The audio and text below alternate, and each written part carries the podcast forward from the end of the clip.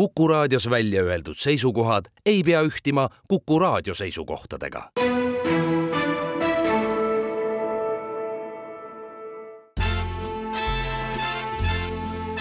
daamid ja härrad, filmigurmaanid, te kuulate Filmikägu filmikäole lisab pildi Apollo kino. elu nagu filmis. Kena reede õhtut, head Kuku raadio kuulajad, filmikägu saade alustab, Lauri Kaare ja Kristjan Kold on stuudios. tere õhtust täna on üheksas veebruar, sõbrapäevani on loetud päevad ja saade kannab ilusat ümmargust järjekorranumbrit kolmsada viiskümmend. ja sellel puhul on meil ka väga põnevad külalised. kaks lausa ja me vaatame ette jälle järgmisele nädalale, kui jõuab kinno uus kodumaine mängufilm Elu ja armastus, mille üht peaosalist mängib Karolin Jürise ja mille on üles võtnud operaatorina Alvar Kõue. Nemad kahekesi on meil stuudios ja etteruttavalt võib öelda, et võib-olla me filmile keskendume rohkem siis võib-olla järgmisel nädalal, kui me tuleb ka režissöör ja stsenarist Helen Takkin. ei, aga külla. selles suhtes, et sellest protsessist, see oli väga-väga huvitav jutuajamine. ja just, et see, kuidas näitleja ja operaatori omavaheline suhe võtteplatsil on, me keskendusime päris palju ka sellele. aga nagu ikka, pikemalt kuulete intervjuud filmikäigu nudimata versioonis ehk siis filmikäigu Uncut, otsige üles erinevatest podcast'i keskkondadest ja, ja seal on väga huvitavalt ja, ja oluliselt pikemalt juttu, kui meil saatesse mahub aga alustame kõigepealt möödunud möö,, möödunud, möödunud nädalavahetuse vaadatumate filmidega mida vaadati Eestimaa suuremates ja väiksemates kinodes teisest kuni neljanda veebruarini aastal kaks tuhat kakskümmend neli. no mida vaadati? seitsmendal kohal eh, mai ja detsember ehk siis Natalja Portman ja Julian Moore eh, Todd Hainsi draamas kohati seebiooperlikus eh, suhtedraamas. ja see, ja see ei ole kogemata välja kukkunud, see on tahtlikult tehtud nii? nojah, muidu ei oleks sinna seda Michel Legrandi ka taha keevitatud seebimuusikaks, aga koos siis ilmselt PÖFFi lisapadjaga vaatajaid tuhat kaheksasada neliteist. kohe etteruttavalt võib öelda, et tabelis on kolm uut tulijat eelmisest nädalast. kuuendal kohal aga üks film, mis on neli nädalat juba tabelis püsinud, see on Vaesekesed, tuhat kaheksasada seitsekümmend seitse vaatajat lisaks.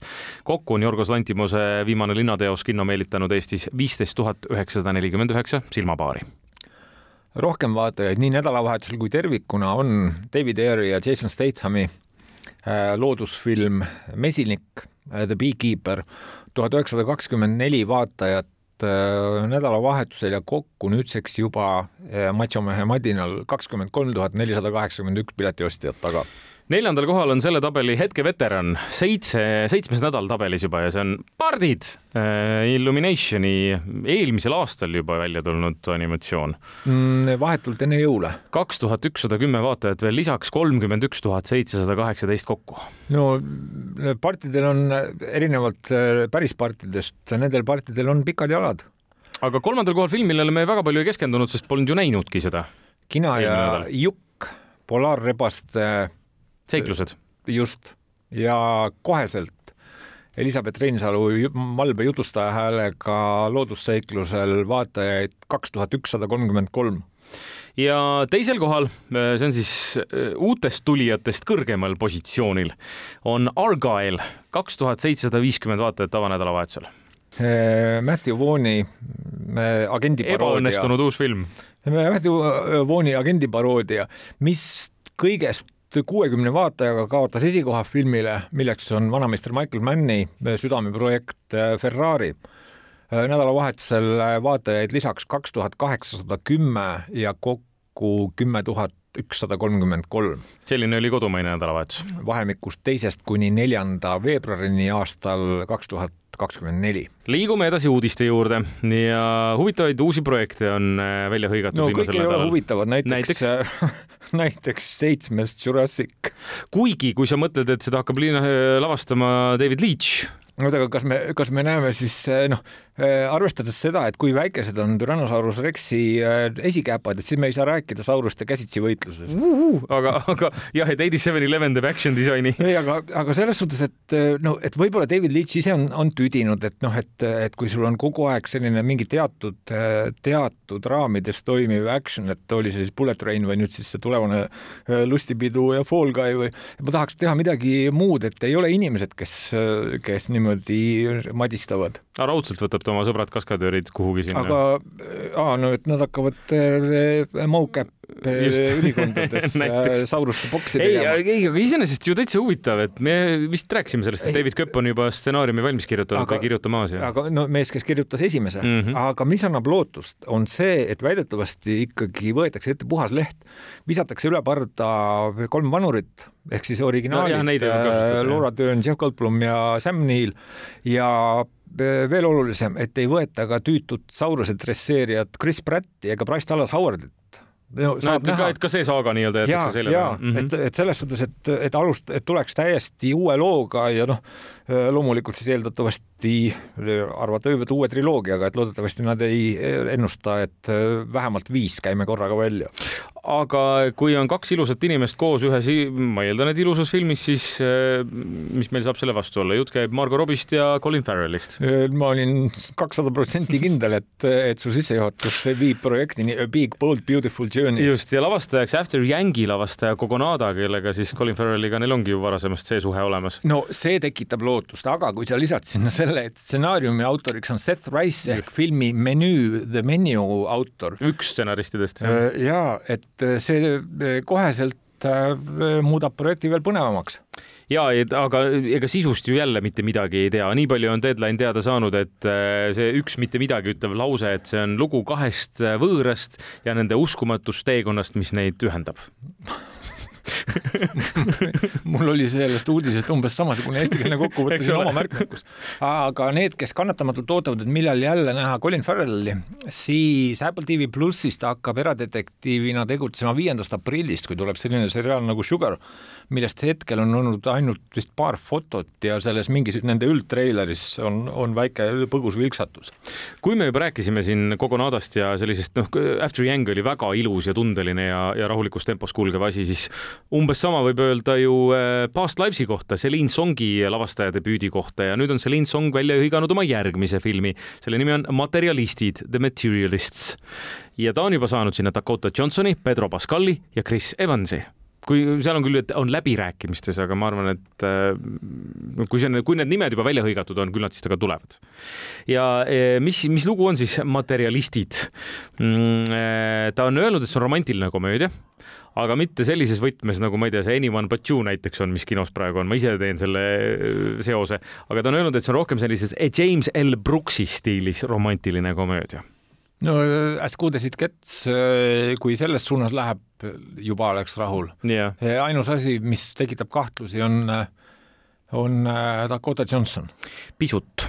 Mul ka, aga et võttes see juba lähevad kevadel ja et see keskendub siis professionaalsele kosjasobitajale, kelle nimi on Lucy, eh, kes ähm, äh, siis satub suhtesse ühe rikka mehega, aga samal ajal äh, ei suuda ta kuidagi lahti öelda oma tunnetest, mis tal on jätkuvalt ühe sellise vaesevõitu näitleja, kes on samal ajal ka ettekandja suhtes mm,? just, kui sa ütlesid, et koisasobitaja, mõtlesin Will Smithi Hitchi peale mm., siis ma mõtlesin J-Lo ja Matthew McConaughey mm. Wedding Planneri peale. et äh, sellise filmi puhul tuleb ilmselt Äh, stsenaristil endale praktiliselt song tõmmata, et saada midagi, midagi originaalset oh,. kus nüüd ütles, aga et A kakskümmend neli on see, kes Celine Songil siis äh, nii-öelda õla alla paneb. no see, need kaks äh, nimed, Celine Song ja A kakskümmend neli tekitavad lootust, et see ei ole selline just, just seal voogedastuse piirimail balansseeriv kordkasutatav ja kohe ära visatav romkomm. ja kuna see Euroopa filmiturul Berliinis on müügis ka, on, on selle filmi leviõigused, siis no vaatame, ootame, kes selle üles korjab. aga kindlasti oled sa vaevanud pead, et mida teeb järgmisena Taika Waititi absoluutselt, mis tal on? ära muretse, Clara ja päike, Clara and the sun. mina mõtlesin, et Akirat ikka tahab teha. Äh, Jenny Ortega ja Amy Adams. nii, mis asi on Clara ja, ja päike? Mul on hea meel, et sa küsisid no, luba ma vastan. Kazuo, Kazuo Ishiguro samanimeline romaan aastast kaks tuhat kakskümmend üks. no siis läheb ikka sinna Jaapani ridadele. Clara on selline mm, robotkaaslane kelle, keda mängib Jenna Ortega, kelle siis Amy Adamsi ema ostab oma üksildasele teismelisele seltsiks. Amy Adams, kes mängib ema või Amy Adamsi ema? Amy Adams mängib ema. Äh, ja loodab sellega võib-olla oma neljateistkümnendat nominatsiooni saada. kas see sinnamaani viib, selgub veel Tim Burton kelle Beetlejuice'i järg tuleb, see ju nüüd ka, me ei ole vist seda öelnud, see hõigati ka kuupäev välja, see on nüüd ma peast ei mäleta enam kahjuks, esimene diiserposter tuli igal juhul. ütle sügis, millal Beetlejuice, Beetlejuice meieni jõuab. just jah, ja mille nimi on jah Beetlejuice, Beetlejuice. väga õige. jah eh, aga et Tim Burton on eh, vist nüüd, ma saan aru, omale järgmise projekti ka juba ette võtnud ja see saab olema siis uus versioon. kuidas see viiekümne jalane naine on, mis see siis meetrites teeb? jaga kolmega mis see tuleb siis, ma olen matemaatikas väga halb.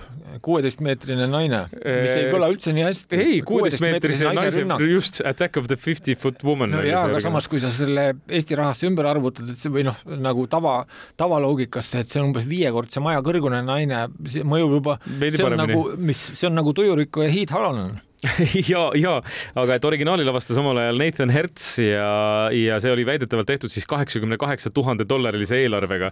no ma eeldan, et see nüüd natukene on äh, rohkem seda raha alla panna ja Gillian Flynn, Gone Girli äh, stsenarist ja ise ka, no kõik tema raamatutel ju põhinevad, et enamasti ikkagi autorina tuntud, aga et nüüd siis Gillian Flynn äh, kirjutab stsenaariumi sellele uue, uusversioonile. Gillian Flynni asjad on väga tumedad alati olnud. viiekümne jalase naise rünnak on mul mulje jäänud, ei ole väga tume film. aga nüüd siis, kui Burton saab rahastuse taha ja talle antakse vabad käed, siis sellest tuleb keelureitinguga ikkagi selline tõeline eh, verepidu. et viimati üheksakümne kolmandal aastal tuli telefilmi versioon sellest, kui Daryl Hannah mängis eh, kuueteistmeetrist eh, naist ja Christopher Guest lavastas. aga no vaatame, huvitav saab olema, mis Tim Burton sellega teeb nojah, kuueteist poole meetrine, see kõlab veel nõmedamalt no, viiekümne jalane naine, samas see kõlab jälle nagu human centipede. jah on sul veel midagi või mul, mul nagu rohkem ei, ei ole? aga aitab küll. ainu, tegelikult üks asi on. üks kurb uudis tuli ka. Carl Weathersit ei ole enam kusjuures see oli selles suhtes nukker, et äh, neliteist jaanuar ta sai seitsekümmend kuus ja esimesel äh, veebruaril pandi tema jaoks kell kinni. ja, et huvitav, Mandaloorianis ju, ma just võtsin Mandalooriani teise hooaja ette, mul oli vahepeal väike paus esimese ja teise hooaja vahel ja ja hakkasin õhtul, tahaks midagi ja mõtlesin, et oh, praegu sellises tujus ka ja panin käima. Ja kui kihvt on ikka Mandaloorian ka kohe hakkas teine hooaeg tööle ja, no, ja see vesterni stiilis tehtud, nii mõnus. ja see, kui, äh, see, kui vitaalne on äh, Carl Weathers. on, ma seda mõtlengi, et mis nüüd edasi saab. Äh, sa elades ei oleks arvanud, et ta, et ta on juba seitsekümmend kuus ja noh, kui me mõtleme ikkagi Predatorit mm., Dillonit ja muidugi selline vähem tuntud kaheksakümnendate pärl nagu Action Jackson rääkimata ikkagi muidugi Apollo Creedist, mees, kes oli alguses ülbe kukk, Äh, selline loorberitel puhkav tšempion, aga kellest sai ikkagi Rocky Balboa absoluutselt parim sõber. seda toredam on, et nii-öelda ütleme siis äh, fiktiivsel tegelasel elu läheb edasi tema poja kujul, et Creed neli on ju ikkagi Michael B Jordanil, ma olen aru saanud, töös. tema, et tema vallaslaps kannab yeah, tema nime edasi. just, see on tore, aga kahju jah, Carl Weathers igavesti seitsekümmend kuus nüüd on aeg meil teha väike paus ja siis võtta vastu saatekülalised. Karolin Jürise ja Alvar Kõue on meil peagi stuudios ja me hakkame rääkima uuest kodumaisest filmist Elu ja armastus. filmikägu soovitab uh,. This is Houston uh,. Say again, please. Houston, we have a problem. Well done! Look at me. Sure. Look at me. Sure. I'm the captain now. Tom Hanksiga sul reisil juba igav ei hakka filmikäigu saatel on väga hea meel tervitada stuudios nüüd sellenädalasi külalisi ja me räägime filmist, mis äh, jõuab vaatajate ette järgmisel nädalal. see on Elu ja armastus, ilmselt paljude jaoks Tammsaare teosena tuttav juba. nüüd siis jõuab ka kinoekraanile ja meil on külas Karolin Jürise ja Alvar Kõue. tervist! tere! tere! Eh, Karolin ilmselt ei vaja tutvustamist, sest et Karolin on ekraani pealt juba, juba selle plakati pealt eh, tuttav, aga Alvar on selle filmi operaator. Eh, me jõuame kohe Karolini ka, kuidas tema jõudis selle rolli juurde kindlasti, aga, aga Alvar, kuidas sina operaatoriks sattusid selle filmi juurde mm. ma arvan, et see on, ma ei tea, kuidagi hästi loomulik või, et me Helen Takkeniga, kes on siis filmi režissöör, oleme juba tuttavad väga pikalt oleme filmivaldkonnas mõlemad figureerinud samas seltskonnas, samas nii-öelda ajastus ja sõpruskonnas. ja töid oleme koos teinud siis ma ei teagi, ajaliselt kolm-neli-viis aastat, enne seda ma olen tema võtteplatsil, kui ta on teinud teiste operaatoriga olnud valgusmeister. eks meie nagu suhe selles osas on olnud juba tuttav väga pikalt ja, ja koostööd me mingi hetk lihtsalt kogemata leidsime, et jube hästi klapib ja nüüd oleme viimased projektid ja nii-öelda reklaamfilmid teinud, teinud koos ja see tundus kuidagi, eks see tegelikult seda küsimust, ma arvan, et peab küsima Heleni käest. tema pöördus lihtsalt sinu poole, ütles, et nüüd on, nüüd on vaja. jah yeah.. Karolin mm, -hmm. kuidas Irma roll sinuni jõudis äh,? ikka läbi casting'u. oli läbi casting'u, ei olnud otsepakkumine? ei olnud otsepakkumine jah, ei mulle helistaja kutsuti casting ule ja, ja ma olin täiesti oma äh, meeles kuidagi teises kohas äh, ja olin väga üllatunud ja rõõmus, et minuni see kutse üldse jõudis. Äh, ja, ja siis ma läksin sinna casting ule ja arvasin, et, äh, et mina nüüd küll see Irma ei ole aga, aga casting'u lõpuks ma ikkagi tundsin endas seda tugevat soovi kasvavat, et ma ikkagi tahaksin seda väga mängida ja hakkasin ennast temas ära tundma ja, ja õnneks ma selle rolli ka sain kas sa siis, kui sa tegid casting ut, teadsid juba, kes su äh, Rudolf olema saab või ei teadnud veel? ei teadnud, ei. mis hetkel see selgus, et see on Mait Malmsten? Äh, pärast casting ut, pärast casting ut, sest et äh, ma nagu vihjamisi sain kuidagi ruumist aru, et, et võib-olla võib juhtuda, et mina olen Sirma et siis, siis ma sain pärast teada jah, üsna kohe aga palju sa Tammsaare looga eelnevalt tuttav olid või, või kas või telelavastusega sealt kaheksakümnendate algusest? mitte liiga palju, ei, muidugi ma teadsin, et see teos eksisteerib. Äh,, ma mingit põhiliini sealt ka teadsin nagu dramaturgiliselt, aga ma ei olnud sellega ikkagi nagu sügavamalt tööd teinud. Ja telelavastus ka, et ma olin teda kuidagi vilksamisi niimoodi lapsena kõrvalt öö, toas joostes ilmselt telekas näinud, aga ma ei olnud vaadanud, et kõik see töö oli ikkagi vaja filmi jaoks öö, uuesti teha selles mõttes on päris huvitav kombinatsioon meil äh, täna teie näol stuudios, sest meil ei ole kunagi varem olnud näitleja ja operaator korraga, et meil on olnud alati kas, alati kas lavastaja, operaator või, või näitleja, stsenarist ja nii edasi. aga kuidas on platsil toimib näitleja ja operaatori omavaheline suhe? milline see on? Oi, ma just tulime enne Alvariga koos siia, ma just ütlesin, et see on nii tore, et me sattusime siia koos ja minu arvates on ääretult oluline, et üldse rääkida näitleja ja operaatori vahelisest suhtest ja et filmitegijana tundub see hästi enesestmõistetav, et see operaator on su kõrval, et aga tegelikult on äh, operaatoril ikka üks ääretult oluline roll nagu fil-, filmi mingis mõttes ka õnnestumisel, lisaks sellele, et kuidas ta pilti valib äh, ka nagu näitleja tööl või et äh, ta on ju üks lähedasemaid partnereid minuga platsil ja ma, meil sujus see ikkagi väga hästi, ma olen väga õnnelik. Alvar on vait. ei, ma mõtlesin, ma just oli, tegelikult oli seesama arutelu oli enne nagu noh, korra tekkis juba, et siia sõidul ja, ja siis ma hakkasin ka nagu mõtisklema sellele, et, äh, et kuidas seda nagu iseloomustada ja see mõnes mõttes on nagu, et seal on natuke niisuguseid tantsuelemente või et kuna nagu meil filmis on ka liikuvat kaamerat palju ja mingites stseenides me teadsime Heleniga, et me tahame jätta näitlejatele vabadust. me teadsime, mis on meil nii-öelda kondikava, mis selles stseenis nagu nii-öelda see põhipunktid on, aga see, et kuidas see näitlejast nii-öelda või sellest karakterist välja tuleb, et selle vabaduse me tahame jätta. ja siis ma mäletan, et seal oligi nagu neid hetki, kus ma ütlesin Karolile, et lihtsalt tee, mis sa tegema pead usalda, et ma tulen et ma saan kätte. ja, et ma tulen sinuga kaasa ja mäletan, alguses oli ikka nagu, ta lõi korra nagu põnnama, et, et ta aga, aga ma arvan, et me saime suht kiiresti sellest äh, nii-öelda nagu barjäärist lahti ja, ja meie koostöö, ma arvan, et sujus väga hästi. ja tulemus on, tulemus on väga kiiduväärt, just. just, et see, kuidas seda sõnastada, liikuv pilt liikuva pildi sees, et näiteks see Rudolfi pidu, et kui palju seal tõesti, et sa, et vaataja liigubki kaasa tegelastega, et sa, sa oledki seal sellel äh, peol ja ma tahtsin ka küsida, et mis stseenid need olid, et kui ka vaadata, et kus, kus on need kohad, kus nii-öelda näitlejal lasti improviseerida? Äh, ongi, tegelikult äh, see sama peostseen või need peostseenid vist olidki peamised, mhm. sellepärast et need olid mulle tundus, et nagu keerukam, sest seal oli nii palju inimesi ümberringi. Ja noh, lisaks ma veel ei suuda mainimata jätta, et lisaks sellele, et Alvar oli seal selle kaameraga, olid ka veel helimehed. Kusagil seal keskel. Umbes samas positsioonis nagu Alvar, aga veel Ar Alvari selja taga veel jälgimas teda, et see oli täiesti fantastiline, mis seal võtteplatsil vahepeal toimus aga harjutate te läbi seda või, sest see on üks asi tõesti, Lauri ka pööras sellele tähelepanu, need, need liikuvad stseenid, mis on, et noh, kasvõi kohe seal alguses, kui see kaamera, ma ei ole Eesti filmides ausalt öeldes, ma tunnistan, väga palju näinudki isegi seda, et seda kasutatakse. et, et kuidas noh, mul Spielbergi The Post tuli lausa meelde, kui, kui seal trükikojas see kaamera liigub niimoodi erinevate inimestega kaasa ja kuidas kogu sa näed seda mehhanismi, mismoodi see töötab ja see toimib. ja siis seesama see peostseen, kus on ka niimoodi, et noh, sa liigud kogu aeg näitlejatega või tegelastega siis nii-öelda kaasa selles ruumis. kui palju te Heleniga neid asju läbi harjutate?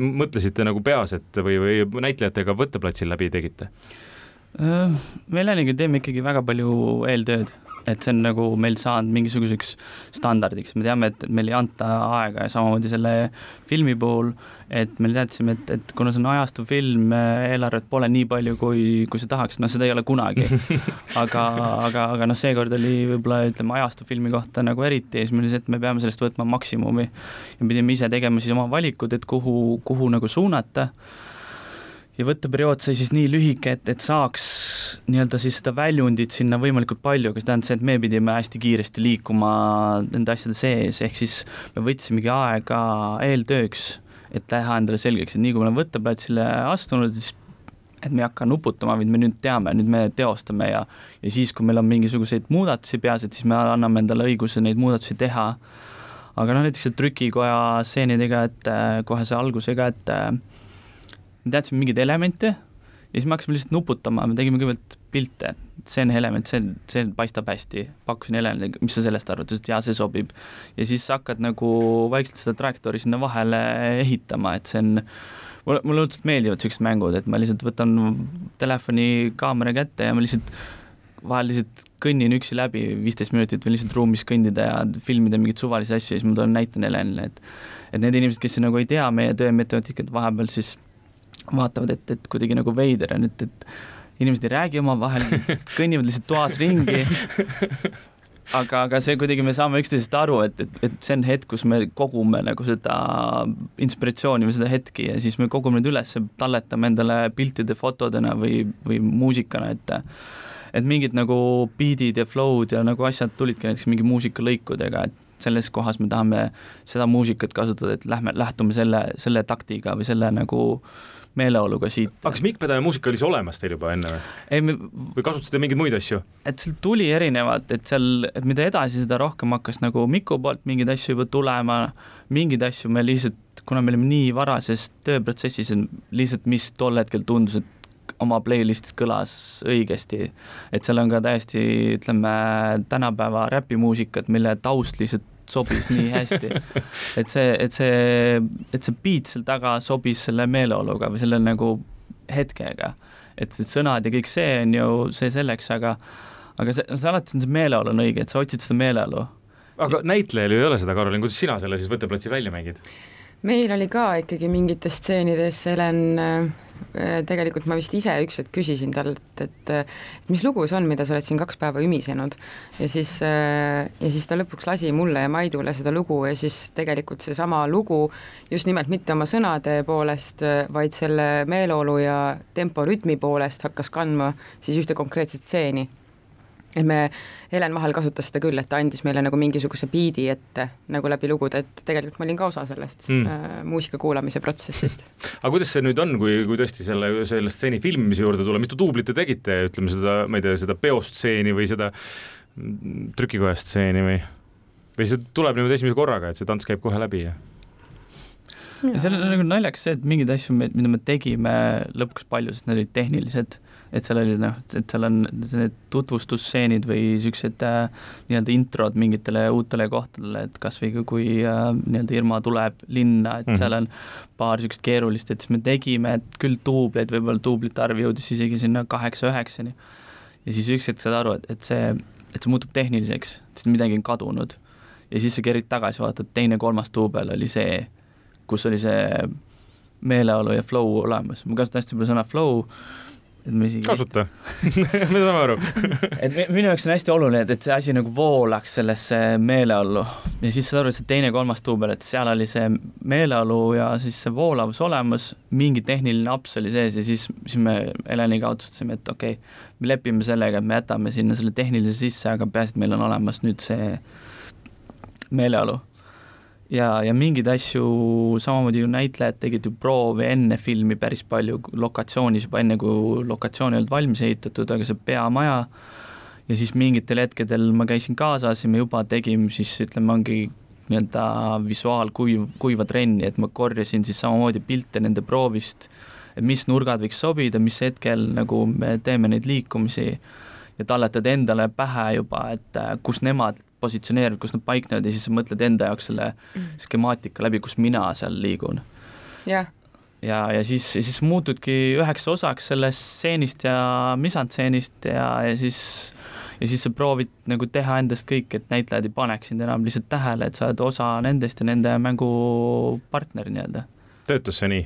tõesti ei pane tähele mingi hetk? jaa, tõesti oli mm. nii ja mingite keerulistema stseenidega tõepoolest mul on väga hea meel, et me et meil oli võimalus teha proove just nende pikemate stseenidega, mis olid nagu ilma lõigeteta sellised voolavad stseenid, et ma ikkagi teadsin väga täpselt, kust kuhu ma liigun, mis tempoga noh, et et seda platsil leiutama hakata oleks ikka juba liiga hilja sellise tempo juures, jah mis teil mõlemal nüüd järgmisena, noh, me võime, Karolin, alustada sinust, Karolin istub muide ühe niisuguse kaheksakümnendate soenguga kaheksakümnendate, üheksakümnendate soenguga. eesti keeli malletiks võiks nimetada. võiks, võiks võib-olla tõesti ja, ja tegelikult me oleme sinuga ju, Karolin, rääkinud sellest, et sinu järgmine asi saab olema Erika ehk siis Erika Salomest rääkib film, kaugel te nüüd olete selle kõigega? Äh, meil hakkavad äh, märtsis äh, võtted ja, ja päris pikalt võtame niimoodi mitte järjest mitte kaheksateist päeva. lausa üheksateist.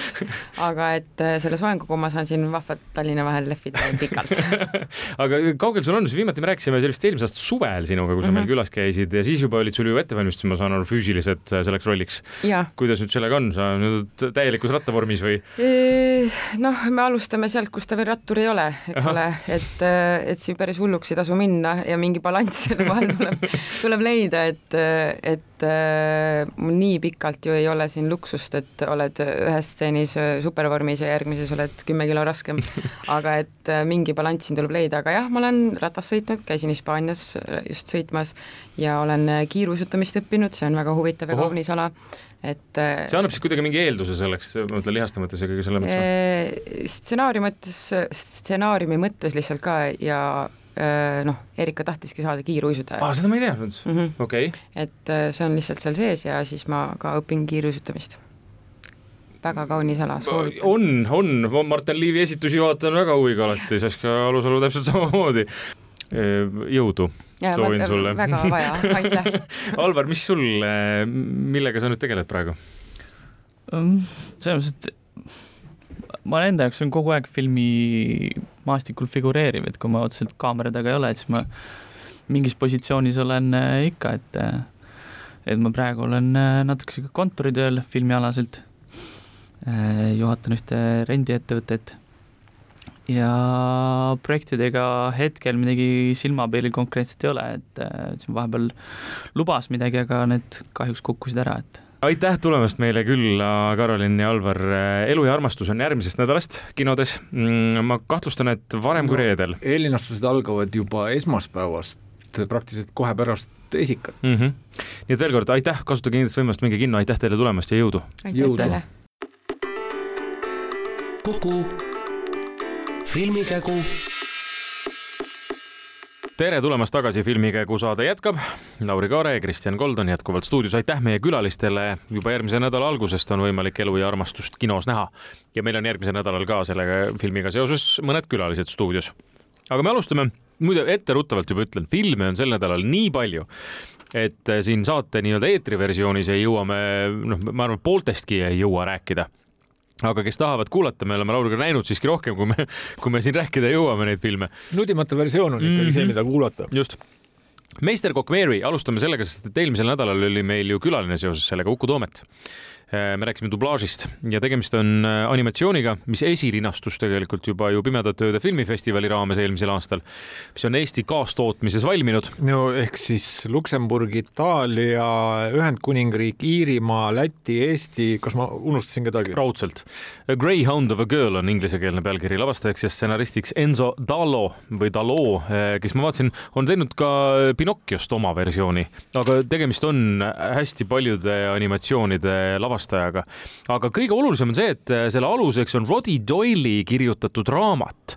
Ja Roddy Doyle'i nimi võiks öelda kõigile neile, kes on vaadanud sellist filmi nagu The Commitments, sest et tema oli ka selle teose autor, The Commitments'i teose autor.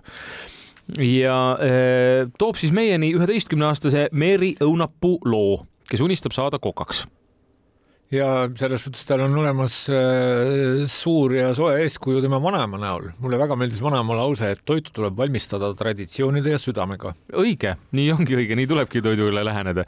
aga mm, juhtub äh, selline keeruline lugu, et äh, vanaema tervis halveneb mm, ja vanaema satub haiglasse ja siis lisaks kõigele Meri parim sõbranna kolib ära. Ja kuna on kooli ja siis ta ei saa veel sellesse kulinaariakooli sisse, nii et muutuseid on üheteistkümne aastase Meeri elus kuidagi äkitselt korraga jube palju. Ja küsimus ongi selles, kuidas nende muutustega toime tulla, et kui lained hakkavad, tundub, et üle pea kokku lööma, siis ilmub äkitselt välja üks salapärane naine, Anna-Maria, kes näib Maryst jube palju teadvat. Ja rohkem ma ei tahakski selle filmi sisu kohta öelda, sest ülejäänu on, on juba väga tore kinosaalis avastada, sellepärast et see ei ole tavaline, tavaline animatsioon, see on parima Pixari vaimus tehtud ja ma mõtlesin visuaalset poolt, vaid just sisulist poolt. no selles suhtes see, see põlvkondade äh, side omavahel ja ikkagi armastus kokanduse vastu, loomulikult ma mõtlesin esimese asjana Ratatouille peale. jah, aga tead, ma ütleks, et ega see kokanduse pool ei olegi nii võib-olla primaarne selles, siin on eelkõige on ikkagi küsimus selles ähm, vanaema suht-, vanaemaga suhtes ja tegelikult väga täiskasvanulikes teemades, kuidas tulla toime surmaga? On, on selle filmi üks jooni. Ja kuidas seda pere noorematele liikmetele selgitada, üldse muutustega toime tulla. selles suhtes see on väga hea vestluse algataja. on, on. Ja see on tehtud nii kuidagi hästi ja mitte muserdavalt ja, ja, ja huvitavalt. Ja selles suhtes, et eh, kui võiks öelda isegi harva sa tänapäeval näed vanamoodsat eh, sellist eh, traditsioonilist 2D animatsiooni. ja, ja et, et see on ka kuidagi teretulnud. me ei ole maininud nimesid. veel mitte. Mary on siis Aurora Varemaa, kes nii hästi minu meelest sobib, ta on nii orgaaniline kuidagi, mõnikord sa saad dublaažis aru, et noh, et kui eriti nooremate puhul, et noh võib-olla tegelasega nii ja naa, aga, aga siin on Aurora on küll täiesti Mary. no selles suhtes, et äh, pilt ja heli ikkagi ideaalselt klapivad, et äh, see on nii, toimib nii orgaaniliselt ja ikkagi noh, nagu me oleme ka rääkinud, et animatsiooni puhul alati dublaažil on, äh, on nii palju kergem sulle soovitud mõju avaldada kui mängufilmi puhul. ja kindlasti soovitus minge kogu perega. Äh, Evelin Võigemast on ema, aga kes oli vanaema? Liina Tõnissaar ja, ja isa just. on Peeter Oja, nii et äh, väga kihvtid näitlejatööd ka häälnäitlejatelt ja. kusjuures Peeter Oja tegelasel, see on nii nagu äh, Jackie Chan'i filmide ingliskeelsetes dublaažides, tema tegelase nimi oli alati Jackie, et siin samamoodi Peeter Oja häälega isa on Peeter. kaks filmi veel, Priscilla mm, on sellest nädalast kinodes ka kaksteist reitinguga ja jah, see on nii Elvisest ja Priscillast rääkinud. ja nii stsenarist kui lavastaja on üks ja sama inimene. Sofia Coppola mm,. E, aga aluseks on ta võtnud siis Priscilla Presley raamatu Elvis ja mina, mille Priscillale aitas kokku kirjutada Sandra Harman. E, ja see on siis, ongi Priscilla Presley lugu vanusest neliteist kuni kakskümmend seitse ehk e, sellest hetkest, kui ta langes megastaari võrku, kuni ta otsustas, et mulle aitab Priscilla rollis siis Kelly Spaini ja Elvist mängib Jacob Elordi, kes on Saltburni vaadanud, äh, siis tuleb sealt kindlasti Jacob Elordi vägagi tuttav ette. aga see on selline noh, jah, suhtelugu, draama, et no,. See on Sofia Coppolalikult äh,. visuaalselt lummav. ja, aga selline, ütleme oma meeleolult ja tempolt väga pastellne film. ja on, et ja on, on, ta, Sofial on oma käekiri, et see, kui ma nüüd ruttan veidikene ette, siis see ei ole ilmselt Sofia Coppola nii-öelda filmograafia nii-öelda tippu kuuluv film.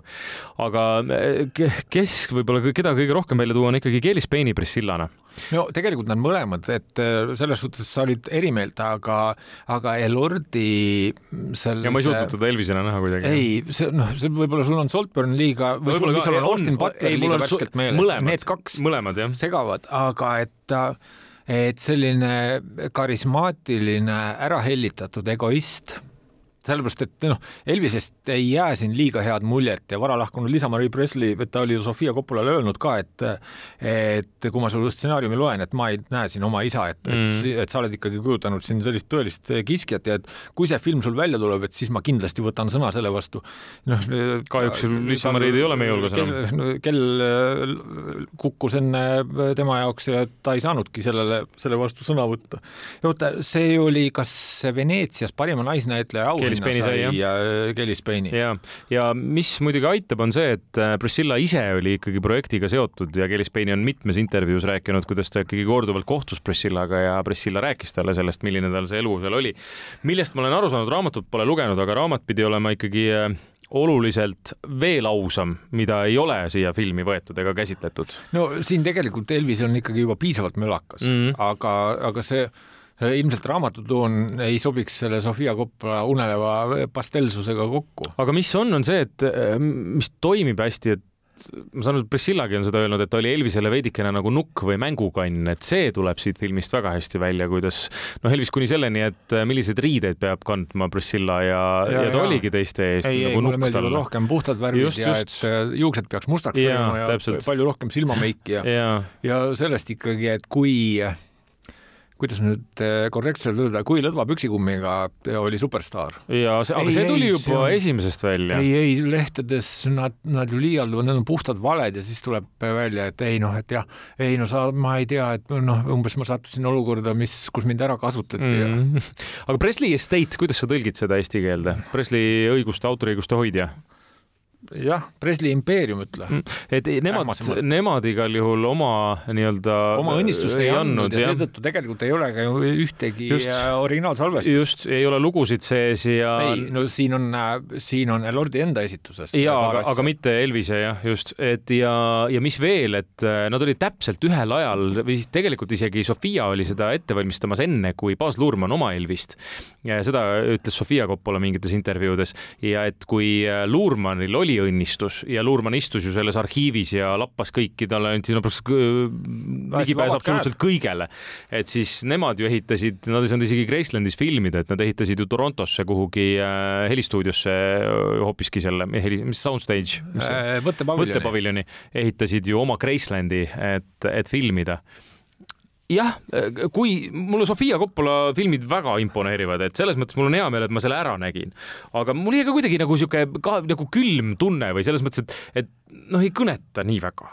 ei, selles suhtes, et soundtrack toimib väga hästi, siin on ja, palju, palju on ajastulugude cover eid ja pildiliselt ka, et siin on seda samasugust, seda tema, tema poolt armastatud pooleldi, eh, pooleldi ärkvelolekut eh, mm. pildis, et nii nagu Virgin Suicide ja nii nagu Marie Antoinette no siin on täpselt seesama teema, et kuldpuuris naised, noh, nii nagu Marie Antoinette, Lost in Translation mingil kujul võib sinna liigitada, et tal on see läbiv teema, jah. See on Priscilla ka kaksteist reitinguga ka sellest nädalast kinodes olemas. Ja üks film veel. See on Kõik me võõrad. ja mis tuleb täiesti üllatusena sellel nädalal, lavastaja ja stsenarist on üks ja sama inimene. Andrew Haig, aga tema võtab aluseks tuhande üheksasaja kaheksakümne seitsmendast aastast pärit raamatu Strangers. Taichi Yamada just selle nimega lugu, mis tegelikult, mis see Chintachi to Nonatsu on eh, jaapani keele pealkiri. on kunagi äh, tuhat üheksasada kaheksakümmend kaheksa on ju see ekraniseeritud korra juba jaapanlastel. aga ta on, selles mõttes peab ütlema, et ta on aluseks võtnud, sest et ta on no, ikkagi seda lugu muutnud päris palju, ma olen aru saanud. et siin on siis keskmes tegelane nimega Adam, keda mängib Andrew Scott, üksildane stsenarist elab Londonis ühes äh, suures kortermajas, kus pealtnäha justkui kedagi teist ei olegi, kui ta siis kohtub salapärase majanaabri Harry'ga, keda mängib Paul Mescal. ja saavad järjest lähedasemaks ja üha enam hakkab Adamit tõmbama oma lapsepõlve kodu poole. ja kui ta siis sinna lapsepõlve koju läheb, siis äh, avastab ta üllatusega, et tema vanemad, keda mängivad Jamie Bell ja Claire Foy, kes surid, kui ta oli kaheteistkümne aastane, on endiselt seal ja umbes nii vanad, kui, kui tema on. jaa ja, ja see kõik ongi justkui selline unenäolik kummituslugu, aga see kordagi ei pane küsima, kuidas see võimalik on ei, äh, selles suhtes, selles suhtes kummituslugu isegi tekitab võib-olla äh, vale kujutust. no nad on ise kasutanud seda oma, ja, ja aga, aga ma just mõtlen, et, et kummituslugu, et siis sa automaatselt mõtled, et see on selline malbe, malbe horror. ei, ei, ei, ei, kaugel sellest, see on väga see on- tundeline film. see on selline, see on, see on neetult kurb äh, igatsuse ja kahetsuse film. ja ma kirjutasin ka, et see on äh, andestamine, ütlemine, ütlemata jätmine, kahetsus, vigade parandus, need on need teemad, mis kõik siin filmis on.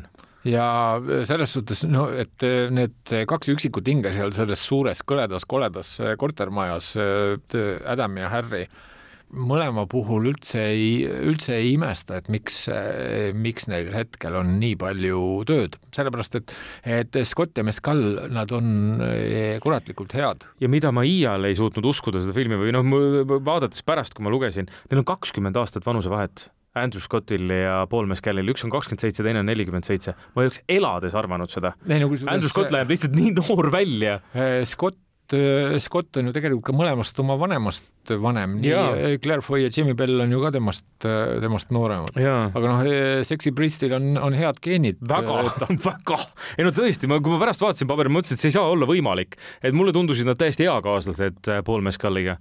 aga see jaa, see on lihtsalt nagu nii emotsionaalne, ma mõtlesin, see mulle kohutavalt see film meeldis, aga ma mõtlesin ka selle peale, et ma ei tahaks seda uuesti nädalavahetusel vaatama minna et äh, ma pe- peaks andma mingi distantsi sellele filmile, enne kui ma seda uuesti vaatan. no aa, sa nägid alles ju nüüd Nädala sees, see nädal, ma nägin, ma nägin PÖFFi ajal, et ma olen täiesti valmis eh, uuesti minema ja mm -hmm. siis Mhm. vaadates pead kratsima, et, et kus kus on akadeemia silmad. jaa, see, nüüd ma saan aru, kui sa ütlesid, et kuidas see võimalik on, et äh, kõik me võõrad ei saanud mitte ühtegi nominatsiooni ja ma saan aru, mida sa mõtled, jah aga isegi tegelikult isegi kõige rohkem Claire Foy ja Jamie Bell, kes teevad täiesti uskumatult head rollid. Aga noh, tegelikult Paftadel läheb sellel kindlasti, kindlasti paremini. ja noh, kuna mineviku hitte, need ei kvalifitseeru, aga Frankie Goes to Hollywoodi Power of Love, mis on kaheksakümne viienda aasta võib-olla kõige ilusam laul üldse. no ja Pet Shop Boysi You were always on my mind, kui seda ka, mismoodi seda kasutatakse siin mm.. no näed, Elvisega ka seos olemas. Mm -hmm. et ja muide veel üks huvitav fakt, Andrew Haig. No eks see tal on ka isiklik lugu, et see on ka kapist välja tulemise lugu no, paljuski. nagu ta ütles ju ühes intervjuus, et üheteistaastase gei poisi jaoks ikkagi, et kui ta kuulas Power of Love'i elades, ta ei oleks osanud ette kujutada, et tal tekib kunagi võimalus teha film ja siis seal, seal sellele nii oluline koht anda, nagu sellel laulul siin filmis on. ja mõtle, kui emotsionaalne see võis tal veel olla, sest see on filmitud Heigi enda lapsepõlvekodus. Ehk siis, siis kui Adam läheb oma lapsepõlvekoduni ja see on siis lavastaja stsenaristi äh, lapsepõlvekodu see oli jah huvitav lugu, kuidas ta ütles, me koputasime uksele uh,, uksele tuli inimene, kes seal siis praegu elab, ta ütles, et noh, et mul ei ole endal, et tema vanemad on elus, aga et nende, tema trauma oli lihtsalt see, et tema vanemad lahutasid, kui nad olid seal majas. ja et kes seal siis praegu elab, oli tulnud ja küsinud, kui nad olid seletanud ära, mida nad teha tahavad, siis ta oli öelnud, et aa, et mulle nelikümmend viis aastat väga meeldis, võite tulla küll. see on see Andrew Haigi Oscarile nomineeritud film mis ma ei mäleta, mis aastast see oli. no äh, umbes pakume kaks tuhat kaheksateist. noh, et äh, kõik me võõrad, All of us strangers, kui te tahate tõesti midagi väga hingepugevat, emotsionaalset äh, ja väga head, korralikult raputatud ja, saada. aga võtke kindlasti taskurätikud kaasa. et see on, kusjuures see võib teinekord, see võib tabada ka viivega. võib, aga äh, eksisin, nelikümmend viis aastat Andrew Haigil tuli juba välja kaks tuhat viisteist. K neliteist reitinguga on kõik me võõrad. jah, sellepärast et nad on, nad on kartmatud, Scott ja Mescal, et juba, juba sellepärast see ei ole päris lastele mõeldud. meil on ring peal selle nädala uutel filmidel. Aitäh kuulamast. ja just, kui te meid eetris praegu kuulate, siis teadke, et neid filme oli rohkem äh, ja nendest kuulete te täpsemalt siis filmikägu nudimata versioonis, mille te saate ka juba praegu alla laadida, otsige üles filmikägu Uncut. aitäh kuulamast, jah, järgmise korrani. olge rõõmsad filmikägu.